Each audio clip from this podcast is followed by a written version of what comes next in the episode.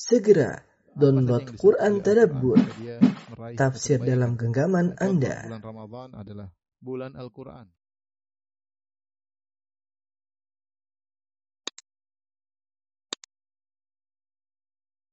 Bismillahirrahmanirrahim. Assalamualaikum warahmatullahi wabarakatuh. Alhamdulillahi ala ihsani wa syukru lahu ala taufiqihi wa amtinani wa asyhadu an la ilaha illallah wahdahu la syarika lahu ta'ziman li sya'ni wa asyhadu anna Muhammadan abduhu wa rasuluhu da'ila ridwani Allahumma salli alaihi wa ala alihi wa ashabihi wa ikhwani. Para ibu-ibu majelis taklim al-ittiba yang dirahmati oleh Allah Subhanahu wa taala. Uh, kita melanjutkan pada kesempatan kali ini pengajian kita tentang tafsir surat Al-Baqarah.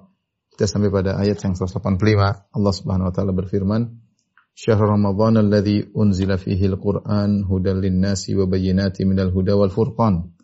فمن شهد منكم الشهر فليصم ومن كان مريضا أو على سفر فعدة من أيام أخر يريد الله بكم اليسر ولا يريد بكم العسر. ولتكملوا العدة ولتكبروا الله على ما هداكم ولعلكم تشكرون. uh, bulan Ramadan yang diturunkan dalamnya Al-Quran sebagai petunjuk bagi manusia dan penjelasan-penjelasan mengenai petunjuk itu dan juga pembeda antara hak dan yang batil. Karena itu barang siapa di antara kalian yang hadir di bulan itu, maka hendaknya ia berpuasa pada bulan itu. Dan barang siapa yang sakit atau dalam perjalanan lalu ia berbuka, maka wajiblah baginya berpuasa sebanyak hari-hari yang ditinggalkannya pada hari-hari yang lain.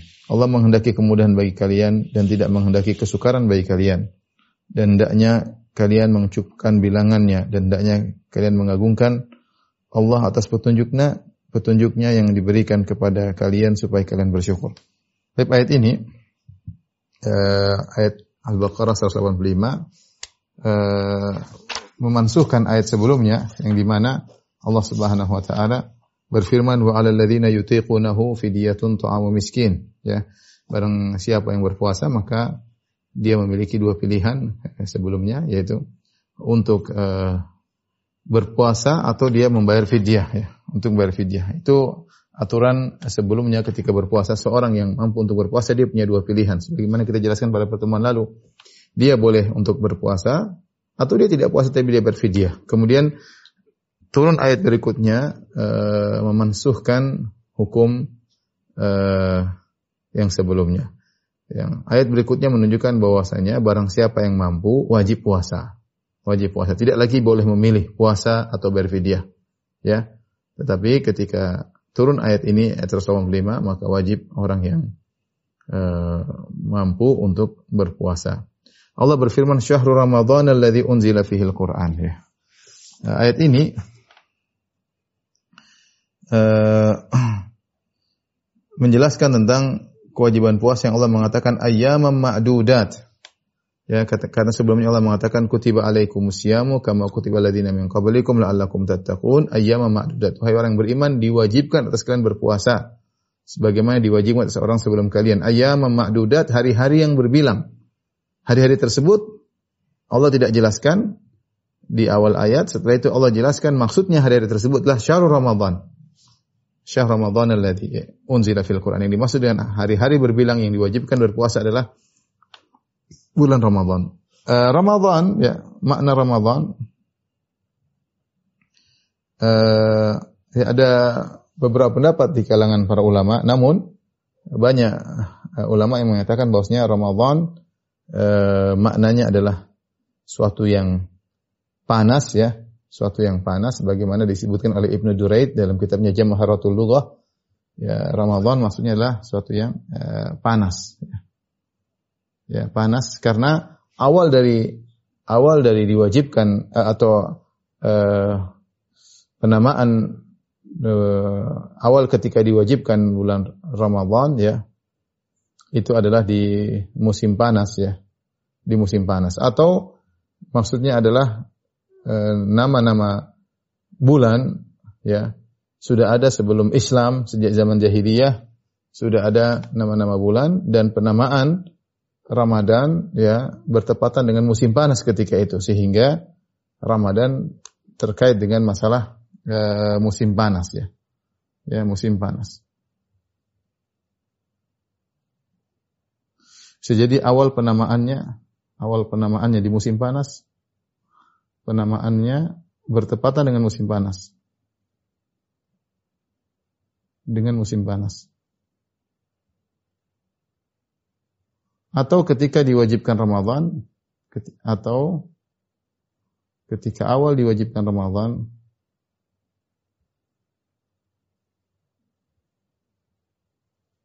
Ramadan adalah di musim panas. Kita tahu di bulan di Madinah ya e, kalau sudah panas maka sangat panas sekali. Namun Allah alam eh, yang benar bahwasanya eh, penamaan Ramadan sudah ada sebelum Islam ya. Jadi bisa jadi dinamakan Ramadan di zaman jahiliyah dahulu eh, karena pas ketika itu musim panas. Intinya Ramadan maksudnya secara bahasa artinya panas. Ada yang mengatakan Ramadan panas bukan ditinjau dari bukan ditinjau dari e, musimnya ini adalah ditinjau dari musimnya. Ada pendapat yang mengatakan Ramadan panas maksudnya seorang ketika berpuasa maka dalam tubuhnya dia merasa panas, dia merasa panas sehingga dikatakan puasa Ramadan. Ada yang mengatakan bahwasanya bulan Ramadan dikatakan bulan Ramadan karena puasa tersebut membakar dosa-dosa, ya, panas sehingga membakar dosa-dosa yang melekat dalam tubuh seseorang. Ini sekedar e, penamaan. Adapun hadis yang menamakan Ramadan adalah salah satu dari nama-nama Allah adalah hadis dhaif ya. Hadis dhaif. Jadi eh, Ramadan bukanlah di antara nama-nama Allah ya. Karena nama-nama Allah eh, eh, pada dasarnya adalah eh, memiliki kandungan makna yang indah ya. Kandungan makna yang indah dan tidak pantas Ramadan merupakan salah satu dari nama-nama Allah. Allah alam bisawab ini sekedar penamaan Ramadan maknanya adalah kembali kepada makna panas. Syahr Ramadan alladhi unzila fihi al-Quran. Di bulan Ramadan itulah ya diturunkan Al-Quran. Uh, unzila fihi al-Quran. Ya. Kata Allah Subhanahu wa taala, syahr Ramadan alladhi unzila fihi al-Quran. Nah, yang diturunkan padanya Al-Quran. Bulan Ramadan diturunkan padanya Al-Quran.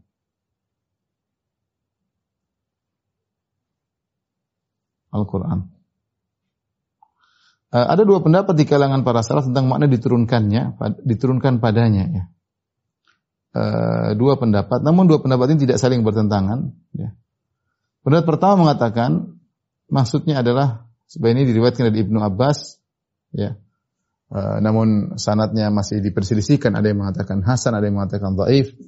Bahwasanya diturunkan pada bulan Ramadan Allah menurunkan Al-Quran secara keseluruhan dari Lauhil Mahfuz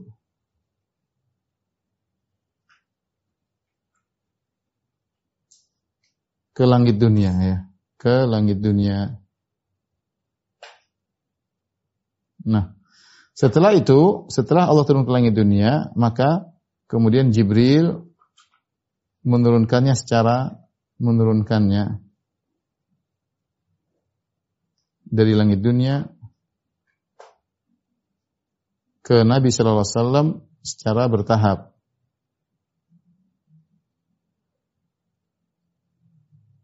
Secara bertahap. Ini pendapat, pendapat pertama. Pendapat yang kedua menyatakan maksudnya yang diturunkan pada Al-Quran yaitu awal diturunkan Al-Quran. Bukan secara keseluruhan. Al-Quran di bulan Ramadan.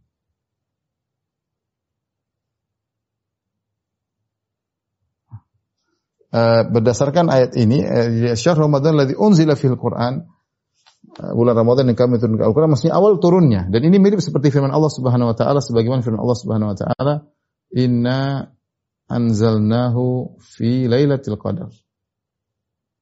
Lailatul qadar di bulan Ramadan. Demikian juga ayat yang lain, inna anzalnahu fi lailatin mubarakah.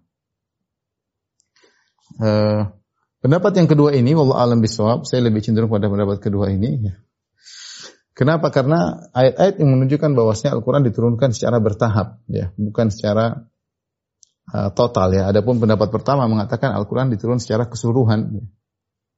Ini pendapat Ibnu Abbas. Namun saya katakan tadi sanatnya uh, oleh para ulama ya.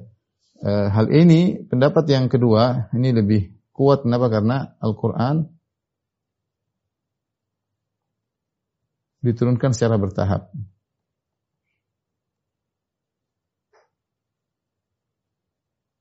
Seperti firman Allah Subhanahu wa taala, "Wa Qur'an wa Qur'anan wa Qur'anun faraqnahu wa Qur'anan faraqnahu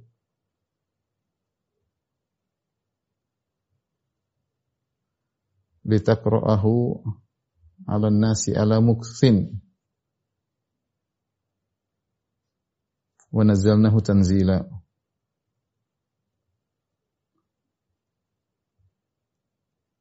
Quran kami turunkan faraqnahu itu kami turunkan secara bertahap tidak langsung sekalian.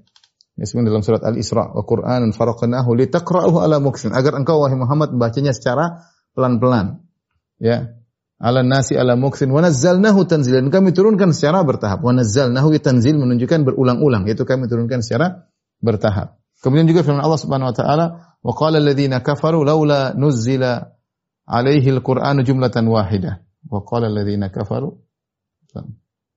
dalam surat uh, Al-Furqan laula nuzzila alaihi al-qur'an jumlatan wahidah Kadzalika linutsabbita bihi fuadak. Rattalnahu tartila. Berkata orang kafir, kenapa Al-Qur'an tidak diturunkan kepada Muhammad secara total sekaligus ya? Tapi Allah tidak, Allah turunkan secara bertahap. Berdasarkan kejadian-kejadian yang terjadi, Allah uh, bicarakan kepada malaikat Jibril, malaikat Jibril sampaikan kepada Nabi Shallallahu alaihi uh, wasallam ya. Jadi uh, saya lebih cenderung pada meskipun ini tidak bertentangan ya, tidak ya, dua-dua pendapat ini bisa dikompromikan tapi kalau pendapat yang lebih kuat. Jadi ini pendapat dipilih oleh Syekh Utsaimin rahimahullah pendapat yang kedua. Uh, syahr Ramadan alladzi unzila fil Quran bulan Ramadan yang diturunkan padanya Al-Qur'an itu di awal penurunannya adalah di bulan Ramadan di malam Lailatul Qadar karena Al-Qur'an turun secara bertahap dan turun di berbagai macam bulan uh, yang selanjutnya turun berbagai macam waktu ya berbagai macam bulan uh, yang awal turun bulan Ramadan hanyalah uh, uh, awal yaitu Iqra bismi rabbikal ladzi khalaq surat Al-Alaq itu yang turun di di bulan Ramadan ya pertama kali uh, turun ya. Syahr Ramadan alladzi unzila fihi al-Qur'an hudal lin-nasi wa bayyinati minal huda wal furqan. Di antara dalil yang menguatkan bahwasanya pendapat kedua karena Al-Qur'an diturun sebagai sebagai petunjuk. Al-Qur'an diturunkan di antara yang menguatkan ya. Demikian juga Al-Qur'an diturunkan sebagai petunjuk dalam ayat ini. Sebagai petunjuk bagi manusia. Nah, kalau dia diturunkan di langit dunia, belum jadi petunjuk. Dia hanya menjadi petunjuk ketika diturunkan kepada manusia, yaitu turun kepada Nabi Muhammad SAW. Oleh karenanya ayat ini bercerita tentang Al-Quran yang diturunkan kepada Nabi Muhammad SAW. Bukan Al-Quran yang diturunkan secara total dari Lauhil Mahfuz kepada uh, diturunkan kepada uh, langit dunia. Ini meskipun tadi saya katakan uh, ini uh, pendapat dinisbahkan kepada Ibnu Abbas ya, dan juga sebagian salaf tetapi uh, sanatnya diperselisihkan ada yang mengatakan dhaif, ada yang mengatakan sahih. Tetapi uh, zahir ayat bahwasanya ayat ini berkaitan dengan Al-Quran diturunkan ke manusia, yaitu diturunkan kepada Nabi Muhammad SAW sebagai petunjuk. Nah, kalau Al-Quran hanya turun sampai langit, itu belum menjadi petunjuk. Ketika turun kepada manusia, baru menjadi petunjuk. Dan kita tahu bahwasanya Al-Quran turun kepada Nabi Muhammad SAW secara bertahap. Jadi intinya, pendapat yang lebih kuat, Syahr Ramadan alladhi unzila fil Quran, Al-Quran diturunkan di bulan Ramadan, maksudnya awal Al-Quran diturunkan. Itu surat Al-Alaq, ayat 1 sampai 5. Iqra bismi rabbikal ladzi khalaq. Dan seterusnya, turun kepada Nabi Muhammad sebagai petunjuk. Hudan lin nasi wa bayyinatin minal huda wal furqan. Dan penjelas ya, penjelas dari petunjuk dan pembeda ya. Jadi Al-Qur'an sendiri sebagai uh, hudan, hudan linnas, hudan di sini uh, bisa artinya maf'ul ajli yaitu Allah turunkan Al-Qur'an sebagai petunjuk ya. Atau ada yang mengatakan hal bahwasanya Al-Qur'an diturunkan dalam kondisi sebagai petunjuk. Petunjuk bagi siapa? Bagi manusia. Wa bayyinatin minal huda wal furqan. Dan juga memberi penjelasan berupa petunjuk dan Al-Furqan. Al-Furqan maksudnya pembeda. Ya, Al-Quran fungsinya di antaranya pembeda dan Al-Quran juga dinamakan dengan Al-Furqan. Tabarakalladzi nazzal Al-Furqan. Uh, maha suci Allah yang menurunkan Al-Furqan atau Al-Qur'an ya ala abdihi kepada nabi kepada hambanya dia kuna lil alamin nadhira sehingga dia menjadi memberi peringatan bagi manusia seluruhnya. Jadi Al-Furqan, Al-Qur'an disebut Al-Furqan karena dia membeda, membedakan antara hak dan yang batil. Membedakan antara uh, mana penghuni surga, mana penghuni neraka. Membedakan antara uh, apa namanya? Uh, kebenaran dan kebatilan dan itulah fungsi daripada uh, Al-Qur'an sehingga orang yang pelajari Al-Qur'an dia akan bisa membedakan antara hak dan dan yang batil ya. Ini juga isyarat bahwasanya tidak ada petunjuk yang terbaik seperti Al-Qur'an. Allah turunkan Al-Quran sebagai petunjuk bagi manusia. Siapa yang ingin mencari petunjuk, carilah pada Al-Quran. Allah berfirman, Inna hadzal Qur'ana yahdi lillatihi aqwam. Sungguhnya Al-Quran ini beri petunjuk kepada jalan yang terbaik. Tidak ada jalan yang terbaik seperti petunjuk yang ditunjuki oleh Al-Quran. Karena kita sebagai seorang Muslim, ya, kalau ingin menjadikan uh, suatu menjadi pedoman hidup kita, itulah Al-Quran. Karena dia akan beri petunjuk kepada petunjuk yang terbaik. Anda ingin menjadi seorang suami yang terbaik petunjuk Al-Quran. Anda ingin menjadi seorang pemimpin yang terbaik petunjuk Al-Quran. Anda menjadi seorang uh, ayah yang terbaik petunjuk Al-Quran. Anda menjadi uh, seorang penguasa yang terbaik Al-Quran. Al-Quran ini memberi petunjuk dalam segala hal. Lillatihi akwam, lillatihi akwam memberi petunjuk kepada jalan yang terbaik. Kemudian Allah berfirman setelah itu, ya. Mau di foto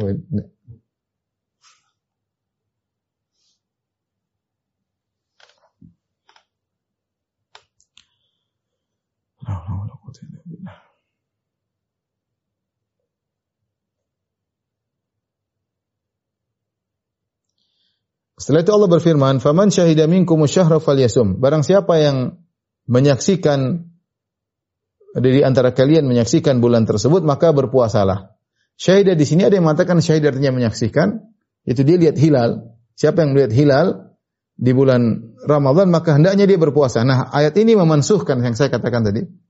Memansuhkan pendapat yang mengatakan dahulu orang kalau berpuasa dia boleh milih. Boleh puasa, boleh berfidyah. Setelah turun ayat ini, Faman syahida minkum syahra falyasum. Siapa yang menyaksikan hilal maka wajib dia berpuasa, maka tidak ada pilihan lagi. Yang mampu harus berpuasa, tidak boleh lagi bayar fidyah. Ya. Atau ada yang berpendapat man syahida, syahida maksudnya hadara. Siapa yang hadir di bulan tersebut tidak sedang bersafar, ya. Syahida maksudnya dia hadara, dia hadir di bulan tersebut di tempatnya, dia sedang bermukim, maka wajib untuk berpuasa. Beda kalau dia sedang bersafar.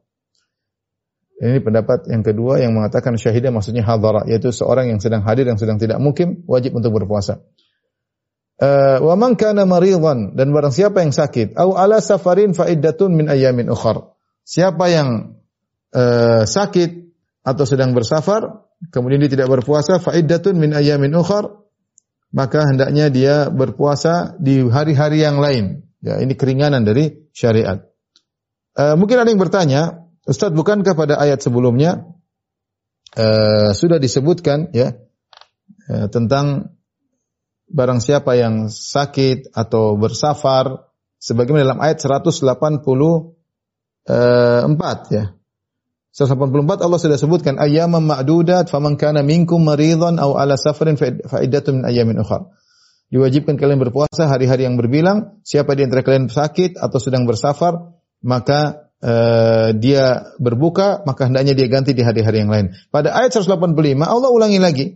Wa man kana maridan aw ala safarin. Siapa yang sakit atau sedang bersafar, maka diganti di hari-hari yang lain. Kenapa butuh pengulangan? Jawabannya bahwasanya ayat 185 adalah ayat yang sedang memansuhkan ayat sebelumnya. Maka jangan sampai disangka bahwasanya semua hukum yang berlaku pada ayat 184 dimansuhkan seluruhnya. Ya, jadi bukan hanya terkait dengan boleh milih puasa atau berfidyah. Khawatir juga disangka bahwasanya siapa yang berpuasa, siapa yang sakit eh, atau bersafar boleh tidak puasa, kemudian diganti di hari yang lain. Khawatir ini juga dianggap dimansuhkan. Agar tidak dianggap dimansuhkan, Allah ulangi lagi untuk menekankan bahwasanya yang dimansuhkan hanyalah yang berkaitan dengan pilihan. Dahulu seorang kalau mampu berpuasa dia diberi pilihan berpuasa atau berfidyah. Ya, Ya, adapun masalah kalau sedang bersafar atau sedang sakit boleh tidak berpuasa maka itu tidak dimansuhkan. Makanya Allah ulangi lagi penyebutannya pada ayat 185. Ya. E, kemudian kata Allah Subhanahu wa taala Yuridullahu bikumul yusra, Allah menghendaki kemudahan bagi kalian, wala yuridu bikumul usra. Dan Allah tidak menghendaki kesulitan bagi kesulitan bagi kalian. Dan ini adalah iradah kauniyah, ya. Uh, iradah syar'iyah, iradah syar'iyah ya, yaitu Allah Subhanahu wa taala menghendaki uh, kemudahan dan tidak menghendaki kesulitan. Oleh karenanya boleh kalian ketika sakit atau sedang bersafar tidak puasa. Karena kalau sakit berpuasa makin repot berat atau sedang safar berpuasa, maka ini kerepotan. Maka Allah tidak inginkan hal itu. Ya. Maka Allah menghendaki kemudahan bagi kalian, tidak menghendaki kesulitan bagi kalian. Ini menunjukkan kaidah yang sangat agung dalam uh, kaidah fikih al-masyaqqatu tajlibu taisir. Bahwasanya kesulitan kesulitan itu mendatangkan kemudahan. Ya, kalau kalau orang sakit, dia berpuasa, mungkin dia mampu tapi berat. Atau bisa jadi sakitnya semakin bertambah parah. Ya. Tapi kalau dia paksa dia mampu saja ya. Sama orang bersafar, kalau dia berpuasa, dia mampu, dia paksa, tapi berat bagi dia. Maka Allah ingin kering, keringanan. Maka orang yang berpuasa, silahkan ber, uh, berbuka. Silahkan berbuka. Tapi kata Allah Subhanahu wa taala, "Walitukmilul iddata walitukmilul iddata walitukabbirullaha ala ma hadakum." Kata Allah Subhanahu wa taala, "Walitukmilul iddata" agar kalian menyempurnakan uh, bilangan puasa ya. ya walitukmilul iddata.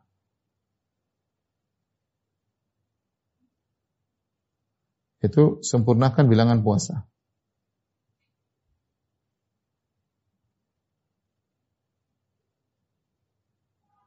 Itu agar kalian berpuasa 30 atau sebulan penuh. Sebulan penuh apakah dengan melihat hilal bulan Syawal ataukah dengan eh, kalian menyempurnakan bulan Sya'ban eh, menyempurnakan bulan Ramadan 30 hari ya. Dengan melihat hilal Syawal atau dengan menyempurnakan uh, melihat hilal Syawal. Hilal bulan Syawal. Atau menyempurnakan Ramadan 30 hari.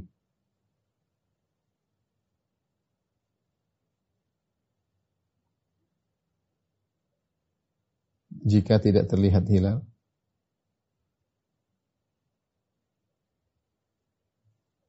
Setelah itu Allah berfirman, "Walitukmilul iddata walitukabbirullah ala ma hadakum." Perhatikan. Setelah itu Allah lanjutkan, "Walitukabbirullah ala ma hadakum." Wa la'allakum tashkurun.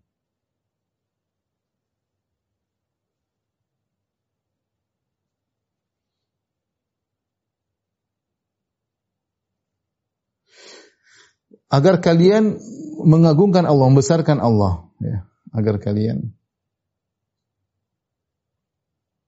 mengagungkan.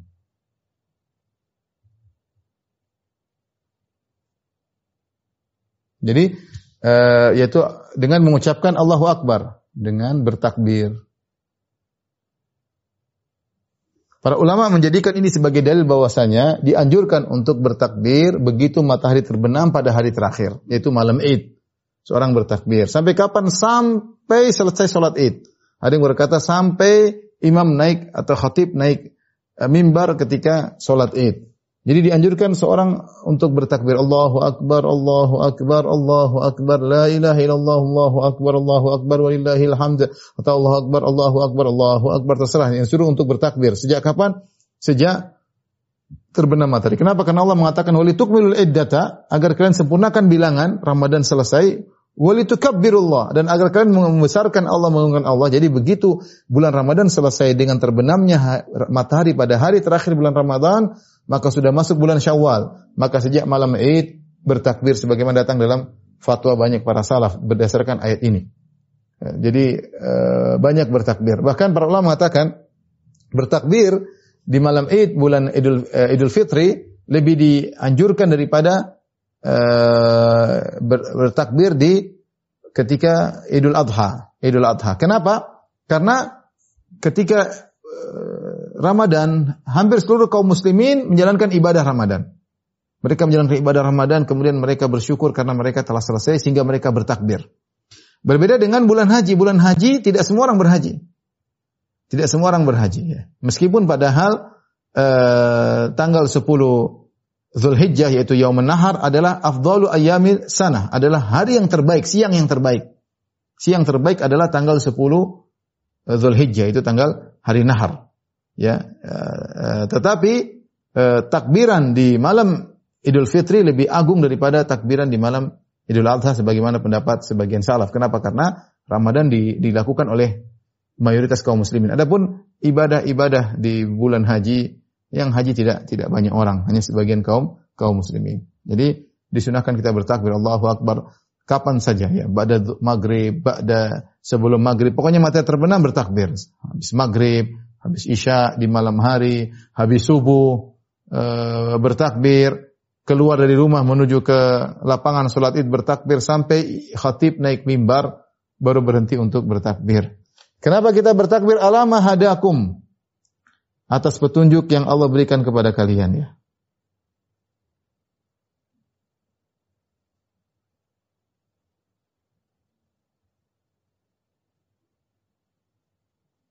Kepada kalian.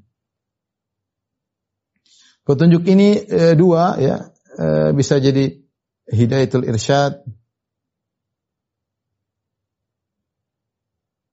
dan hidayatul taufik. Hidayatul irsyad yaitu Allah menjelaskan dalam Al-Qur'an itu penjelasan. Kalau irsyad maksudnya penjelasan, kalau taufik artinya eh, apa namanya? hidayah untuk beramal. Hidayah untuk melaksanakan.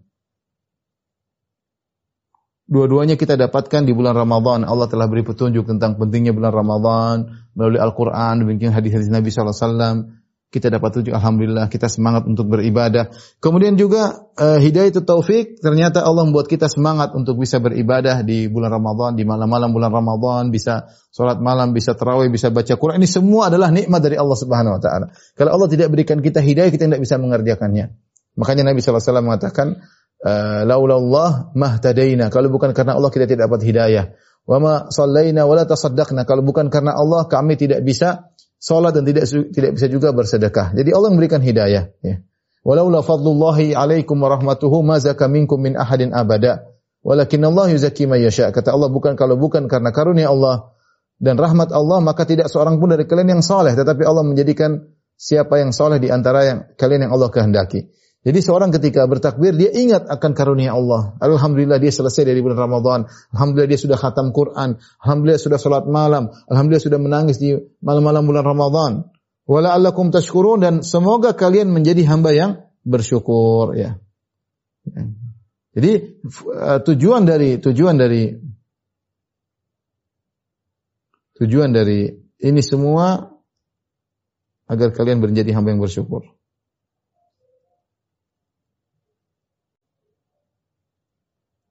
Hamba yang bersyukur. Nah, e, bersyukur tentu banyak banyak apa namanya e, aplikasinya apa itu syukur. Tapi paling inti dari makna bersyukur, ikhwan dan akhwat, ibu yang rahmati Allah subhanahu wa inti dari syukur adalah beramal. Inti dari syukur adalah beramal soleh. Ya. Kita bersyukur dengan lisan, bersyukur dengan hati, tapi di antara bukti nyata seorang bersyukur adalah ya adalah beramal saleh. Sebagian firman Allah Subhanahu wa taala, "I'malu ala Dawud syukra." Allah berfirman, ya. "I'malu ala Dawud syukra."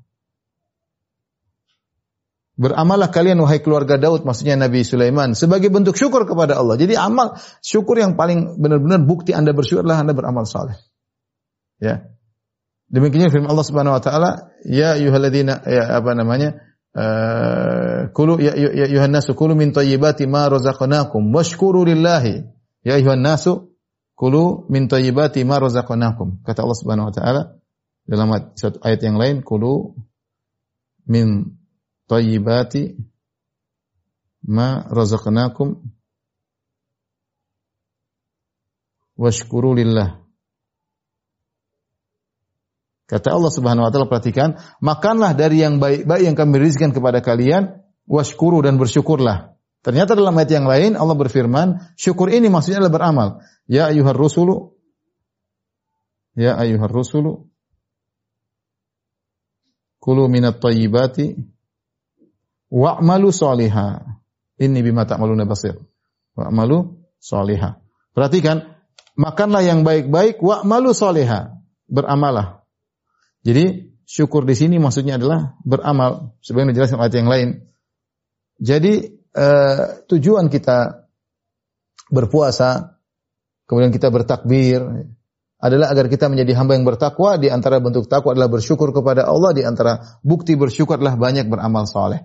Makanya kalau orang bertanya, Ustaz, apa dalil, apa eh, tanda bahwasanya puasa kita adalah puasa yang diterima oleh Allah Subhanahu Wa Taala? Lihat dari hasilnya. Setelah kita berpuasa, apa hasilnya? Apakah kita menjadi hamba yang bertakwa? Apakah kita menjadi hamba yang suka bersyukur, banyak beramal soleh? Ya, setelah kita uh, berpuasa, itu tanda bahwasanya puasa kita diterima karena hasilnya ada. Karena hasilnya ada, ya. Wala'allakum uh, tashkurun. Baik, kita lanjutkan ayat berikutnya. Kata Allah Subhanahu wa taala, "Wa idza sa'alaka ibadi anni fa inni qarib." Kata Allah Subhanahu wa taala, e, jika hamba-hambaku bertanya kepada engkau wahai Muhammad tentangku, tentang aku, fa inni qarib, sungguhnya aku sangat dekat.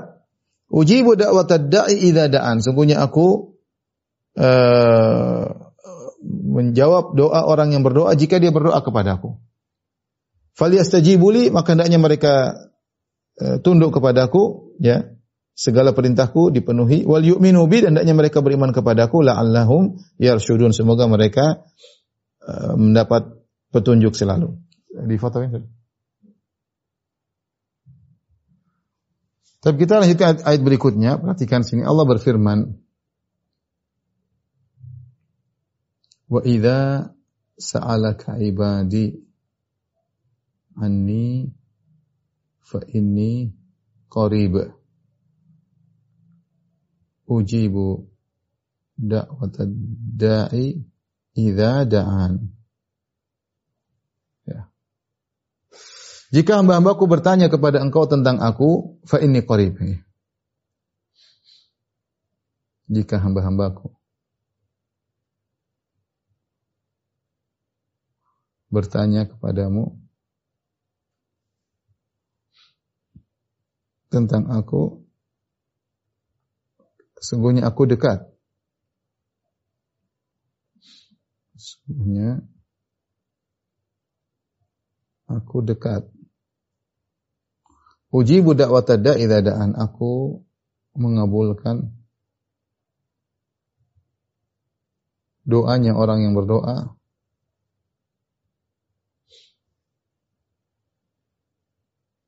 jika dia berdoa kepadaku.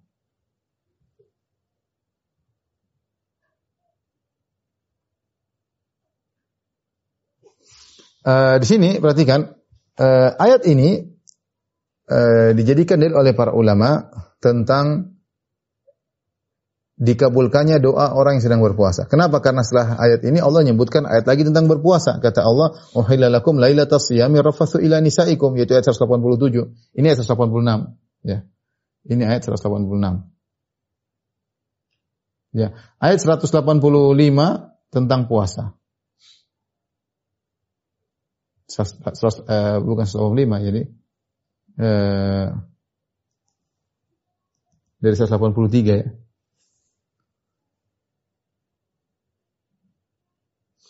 Ya, dari 183 sampai 185 ya. 183 sampai 185 tentang puasa.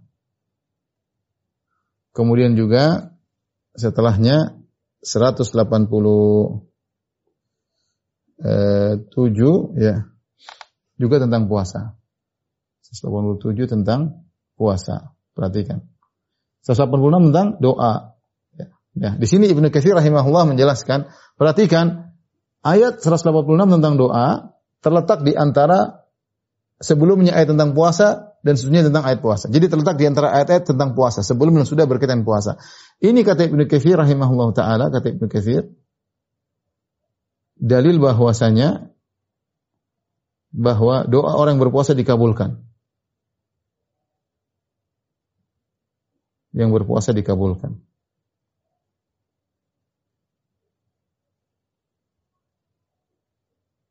Pertama ya.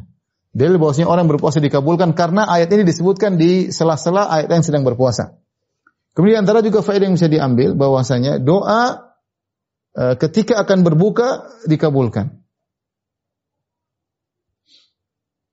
Ketika di penghujung puasa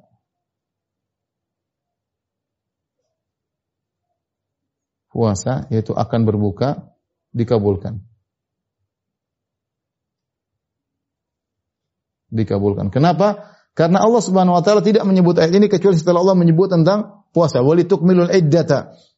Agar kalian menyempurnakan bilangan puasa. Setelah itu Allah sebutkan tentang uh, berdoa. Berarti doa di penghujung ibadah adalah dikabulkan ya. Dan datang dalam sebagian hadis yang diperselisihkan, ada yang menghasankan, yang mendhaifkan yaitu bahwasanya uh, lisaimi da'watun mustajabatun inda fitrihi bahwasanya seorang yang berpuasa dikabulkan doanya ketika dia berbuka. Secara umum orang yang berpuasa dia berdoa kapan saja, di pagi hari, di siang hari, di sore hari dikabulkan. Tetapi lebih ditekankan lagi ketika menjelang berbuka. Berdasarkan hadis yang kita sebutkan, lisaim uh, da'watun mustajabatun inda fitrihi ya. Bahwa bagi orang yang berpuasa ada doa yang dikabulkan ketika dia berbuka ya. Ya, uh, sehingga seorang menyisikan waktu untuk berdoa ketika hendak berbuka. Ketika hendak berbuka. Kemudian uh, di sini juga dalil bahwasanya ya ketika berdoa hendaknya langsung kepada Allah ya. Ketika berdoa hendaknya langsung kepada Allah.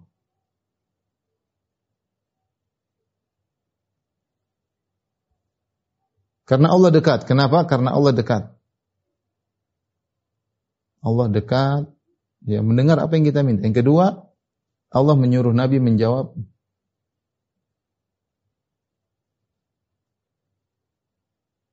uh, Allah bukan Allah menyuruh Nabi menjawab ya. Allah menjawab pertanyaan secara langsung.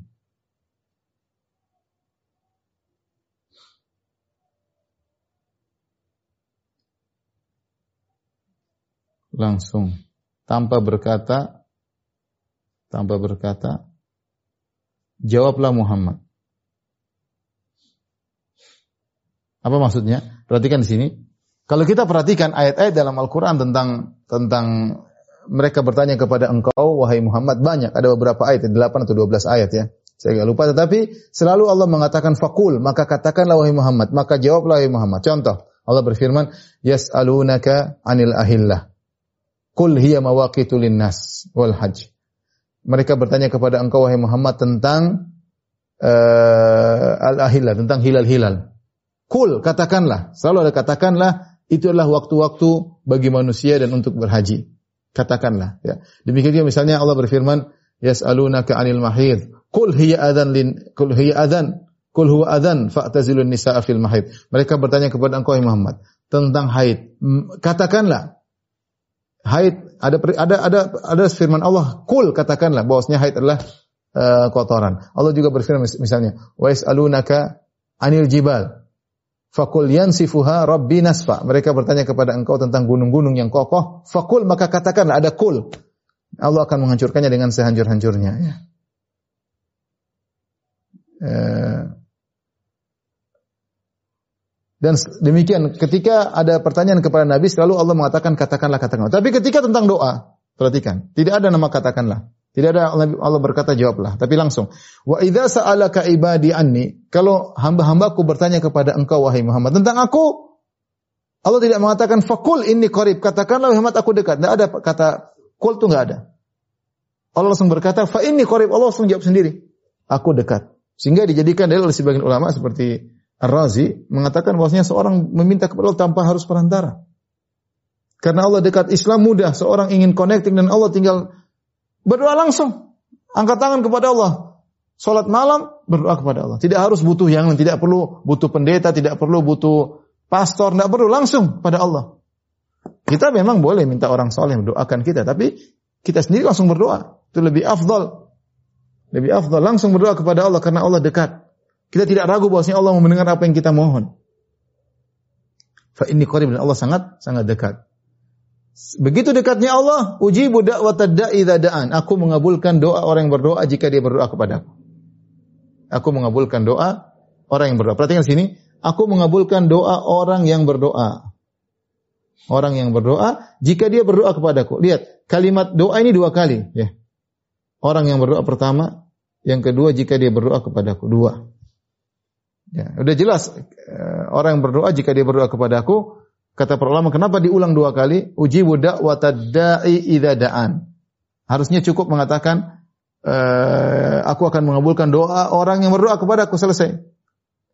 Uh, bukan doa orang yang berdoa ketika berdoa kepadaku. Doa dihitung dua, diulangi dua kali. Sebenarnya mengatakan kenapa diulang doa? Diulang berdoa sebagai isyarat jika berdoa harus fokus. Harus sungguh-sungguh. Bukan sembarang doa orang yang Allah kabulkan.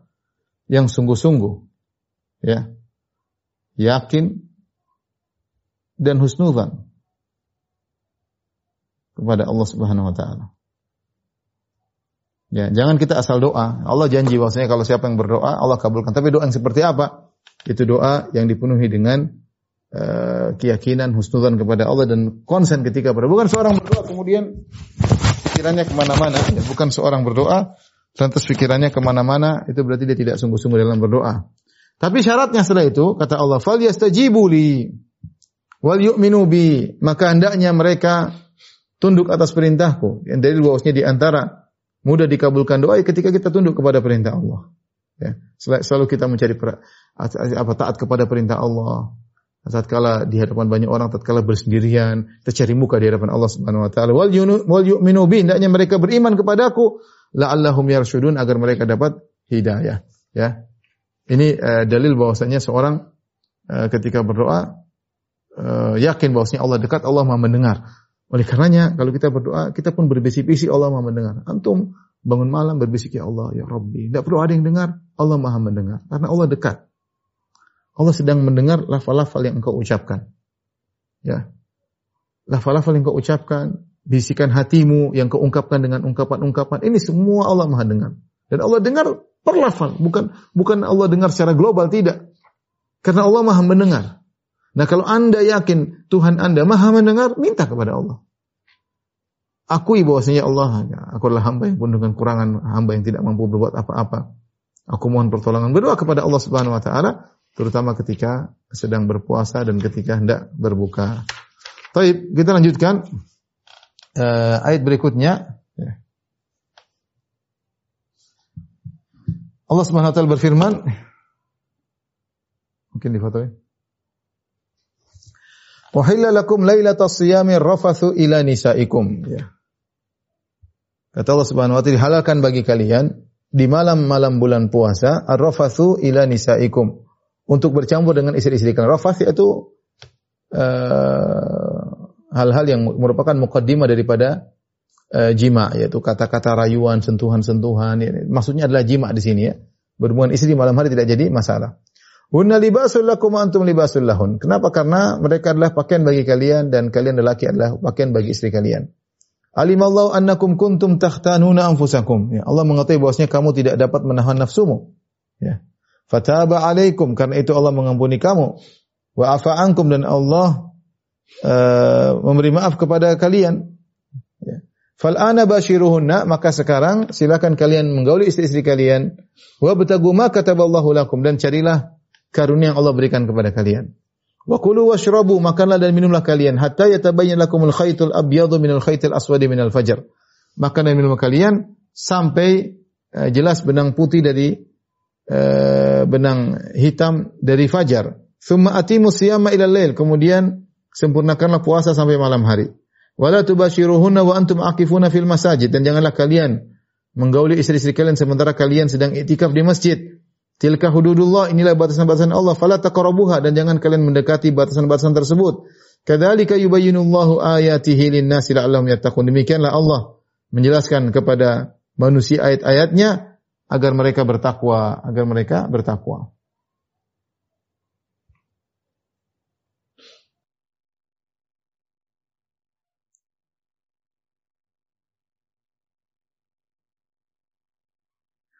Allah Subhanahu wa taala berfirman, "Uhilla lakum lailatas siyamir rafath." Dihalalkan bagi kalian untuk menggaul istri kalian di malam hari. Sebagaimana pernah kita jelaskan, Awal ketika diwajibkan puasa, aturannya tidak boleh seorang makan lagi kalau sudah tidur sebelum Isya. Atau kalau sudah setelah setelah sholat Isya. Dua, kalau dia tidur sebelum Isya, dia sudah tidak boleh makan dan minum lagi. Atau ketika dan tidak boleh bergaul dengan istri tentunya. Kemudian dia juga tidak boleh uh, makan dan minum dan bergaul dengan istri ketika uh, setelah sholat Isya. Dan ini adalah uh, perkara yang berat. Ya. Uh, di siang hari berpuasa malamnya cuma boleh menggauli istri sampai sholat isya. Setelah itu tidak boleh lagi. Ya. Bahkan tidak boleh makan dan minum kecuali sampai sholat isya. Maka tersebutlah ada seorang sahabat namanya Qais bin Sirma al Ansari radhiyallahu taala anhu. Uh, dia berpuasa dan dia bekerja di siang hari ketika sedang berpuasa. Kemudian ketika waktunya berbuka dia datang kepada istrinya dia tanya apakah ada makanan kata istrinya tidak ada tapi sebentar saya akan carikan makanan. Ketika istrinya carikan makanan, ternyata dia sangat ngantuk, letih, golabathu ainahu karena dia kerja di siang hari. Ini ketiduran. Ketika dia ketiduran, aturannya siapa yang tidur sebelum isya, setelah terbenam matahari, tidur sebelum isya, maka tidak boleh makan dan minum lagi. Istrinya datang, istrinya lihat suaminya sudah tidur, dia mengatakan khaibatan lak rugi engkau wahai suamiku, engkau sudah tidur. Kata kata suaminya saya sudah tidur. Katanya mungkin kau belum tidur. Kata dia saya sudah tidur. Sehingga aturannya tidak boleh makan, tidak boleh minum lagi, tidak boleh bergaul dengan istrinya. Akhirnya dia semalam tersebut dia tidak berbuka, tidak makan, tidak minum, tidak menggauli istrinya. Kemudian siang hari keesokan hari dia kerja lagi dan dia melanjutkan puasanya. Di siang hari dia pun bekerja, akhirnya dia pun pingsan. Dia pun pingsan karena kerja keras, dia pun pingsan. Maka turunlah firman Allah, ayat ini wahilalakum lailatas siyami rafathu ila nisaikum. Maka di malam hari silakan menggauli istri kalian, boleh makan, boleh minum, di antaranya boleh menggauli istri-istri kalian. Dan ini di antara hikmahnya kata eh, apa namanya sebagian ulama ya bahwasanya eh, Allah memberikan uh, yang berat, yang berat sehingga ketika dipindahkan kepada hukum yang lebih ringan tadinya tidak boleh berhubungan dengan istri di malam hari, tidak boleh makan dan minum kecuali sampai isya saja. Itu berat bagi para sahabat. Ya. Kemudian setelah itu dirubah menjadi yang lebih ringan, boleh sampai subuh. Makan dan minum berhubungan istri sampai subuh. Sehingga uh, yang tadinya kerasa berat jadi lebih ringan. Padahal sama-sama berat. Tetapi setelah di, diwajibkan yang berat dulu dan mereka bisa kerjakan, apalagi dipindahkan kepada yang lebih ringan, ternyata makan dan minum dan boleh berjima dengan istri sampai terbit fajar itu sampai adzan subuh. Hunna libasul lakum antum libasul lahun. Di antara sebabnya kenapa Allah turunkan hukum ini karena wanita adalah pakaian bagi kalian. Sulit untuk eh, dilepaskan dari kalian sebagaimana pakaian kita pakai ya, apa namanya sangat dekat nempel dengan tubuh kita ya menutup aurat ya Eh, demikian juga kalian adalah pakaian bagi uh, para wanita ya. Sehingga kedekatan kalian yang begitu dekat uh, mengkonsekuensikan di malam hari kalian berhubungan sehingga tidak pas jika kemudian dilarang untuk berhubungan di malam hari karena begitu dekatnya antara kalian suami dan istri.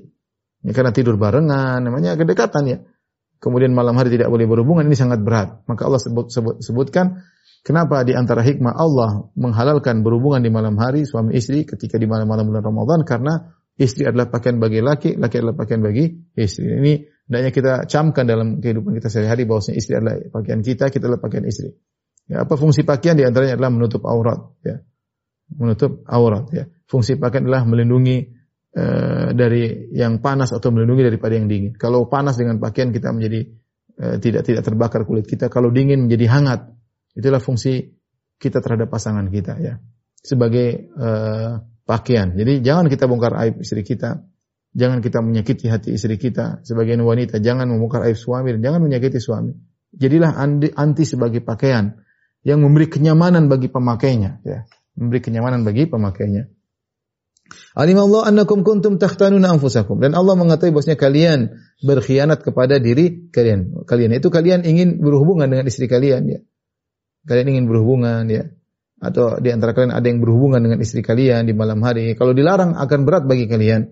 Fataba alaikum ankum. Maka Allah maafkan kalian Allah uh, uh, terima tobat kalian ya kalau kalian melakukan pelanggaran di malam hari maka Allah terima tobat kalian dan Allah mengampuni kalian maafkan kalian karena berat bagi kalian untuk tidak boleh berhubungan di malam hari ya setelah itu Allah berkata fal ana basyiruhunna maka di malam hari silakan kalian menggauli istri-istri kalian. Wa batagu ma kataballahu lakum dan carilah rezeki dari Allah untuk kalian. Maksudnya carilah anak dengan berhubungan ya. Jadi uh, di sini Allah mengatakan di malam hari basyiruhunna gaulilah istri-istri kalian. Dan ini hukum asal menggauli istri adalah hukumnya halal uh, dengan cara apa pun, dengan uh, bentuk apa pun, selama yang tidak boleh adalah menggauli istri uh, lewat dubur itu tidak boleh atau menggauli istri lewat kemaluan dalam kondisi haid. Ya, itu semua tidak diperbolehkan. Adapun selain itu maka boleh bagi seorang laki menikmati uh, tubuh istrinya di bagian mana pun ya ini hukumnya halal. Karena Allah memutlakan fal ana bashiruna. Ya, gaulilah istri kalian. Tidak ada aturan-aturan khusus kecuali dua tadi. Tidak boleh menggauli pada dubur dan tidak boleh menggauli kemaluan ketika sedang haid. Wa batagu ma kataballahu lakum dan carilah rezeki dari kali dari Allah untuk kalian. Ya seorang ketika berhubungan jangan lupa niatkan untuk mendapat anak soleh. Mendapatkan anak soleh. Dan ini uh, menjadikan hubungan tersebut berkah dan menjadikan hubungan tersebut uh, berpahala di sisi Allah Subhanahu wa taala maka wabtagu ma kataballahu lakum. Bukan hanya sekedar melampiaskan syahwat, tapi ketika dia berhubungan, dia berdoa kepada Allah Subhanahu wa taala dia berharap bahwasanya dengan hubungan tersebut akan menanamkan benih yang akan keluar darinya anak yang soleh, yang bertakwa kepada Allah, berbakti kepada kedua orang tuanya. Wa kulu washrabu, bukan cuma berhubungan, makan dan minumlah kalian. Sampai kapan? Hatta yatabayyana lakumul khaytul abyadu minal khaytil aswadi minal fajar. Sampai terbit fajar. Allah menamakan benang putih dari benang hitam itu fajar karena fajar ketika muncul dia dalam seperti benang itu e, bentuknya secara horizontal ya seperti benang kemudian melebar benang tersebut. Sehingga tampak benang putih tersebut di antara gelapnya malam. Sehingga Allah mengatakan hatta yatabayyana lakumul khaytul abyadu minal khaytil aswadi minal fajar. Sampai lihatlah benang putih daripada benang hitam yang benang putih tersebut adalah fajar ya. Jadi boleh seorang makan ini sampai azan subuh dan boleh berjima juga sampai adzan adzan subuh. Ini dalil bahwasanya uh, tidak mengapa seorang uh, ketika mendapati adzan subuh dalam kondisi masih junub tidak jadi masalah. Bahkan Syekh Utsaimin mengatakan jika seorang sedang berhubungan istrinya, kemudian adzan dikumandangkan, kemudian dia mencabut kemaluannya dari kemaluan istrinya, maka dia boleh berpuasa. Karena dia menjalankan yang boleh. Allah mengatakan boleh sampai azan subuh. Ketika ternyata dia sedang penetrasi dengan istrinya, sedang melakukan hubungan, tiba-tiba dengar azan, dia berhenti dan dia cabut, maka tetap sah puasanya, tidak jadi masalah. Sampai seperti itu ya. Sehingga ini dari secara konsekuensi kalau azan subuh dikumandangkan seorang masih junub, tidak jadi masalah. Ya, tidak jadi masalah. Bukan syarat puasa seorang ketika azan subuh dalam kondisi suci, tidak.